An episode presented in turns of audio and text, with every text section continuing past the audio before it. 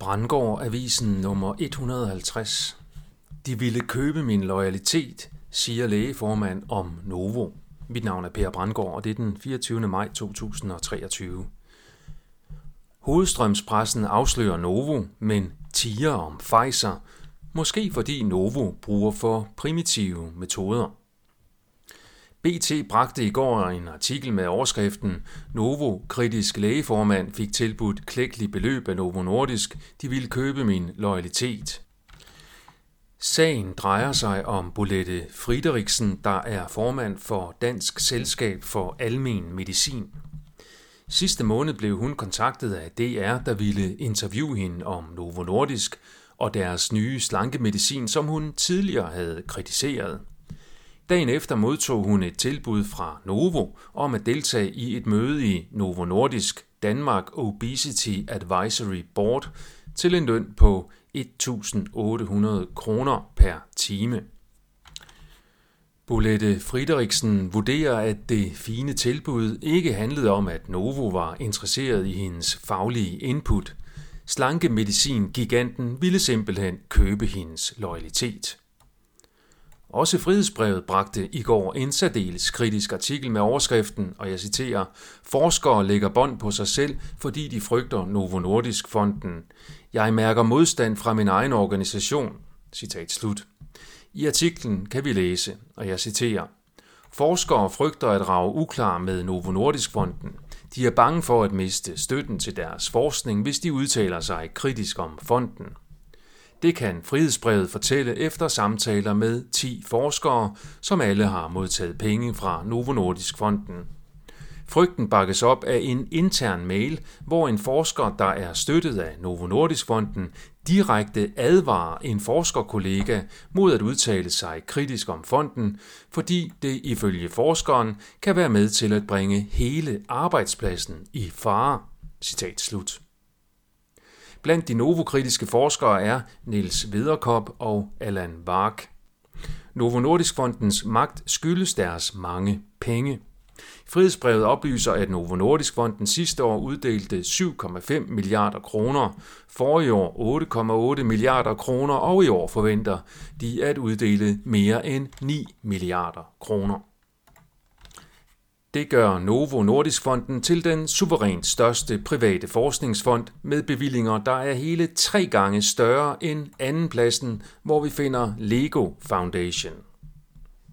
Jeg har tidligere skrevet flere kritiske indlæg om Novo. Den 25. august 2018 skrev jeg en artikel med overskriften Novo Nordisk styrer Københavns Universitet. 30. august 2018 Fedmeforskning er i lommen på industrien. 7. februar 2022. Nye problemer med Arne Astrup, Novo Nordisk og Københavns Universitet. 15. marts 2022. Novo Nordisk går sammen med Bill Gates. 1. januar 2023.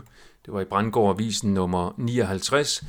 Novo Nordisk Fonden står bag ny coronapropaganda. 5. februar 2023. Thomas Senderovits er den ansvarlige. 14. februar 2023. Novo finansierer nyt center, der kan fjerne deres kunder. 15. februar 2023. Novo er reven, der vogter gæs. The Epoch Times har bragt en artikel om, hvordan Jeffrey Epstein angiveligt uden held forsøgte at afpresse Bill Gates om en affære med en russisk bridgespiller. Sagen afslører Jeffrey Epsteins modus operandi med afpresning af magtfulde mænd via deres seksuelle aktiviteter. Det skete i tæt samarbejde med hans partner in crime, Ghislaine Maxwell, der er datter af den israelske agent og mediemogul Robert Maxwell. Både Epstein og Maxwell er jøder. Meget tyder på, at Epstein Maxwell var frontfigur i en sionistisk sexafpresningsoperation, finansieret privat af sionistiske rigmænd. En operation, der omfattede, at mindreårige piger blev betalt for at have sex med magtfulde mænd for skjulte kameraer. Det er i den sammenhæng glædeligt, hvis Novo nøjes med at tilbyde en timeløn på 1800 kroner til dem, de ønsker at påvirke.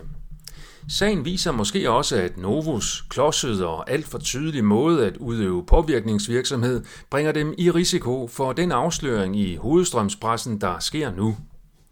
Hvis Novo i stedet gjorde brug af for eksempel subtil sexafpresning i stedet for forsøg på bestikkelse med småpenge, så ville de formentlig have mere succes med deres lobbyisme.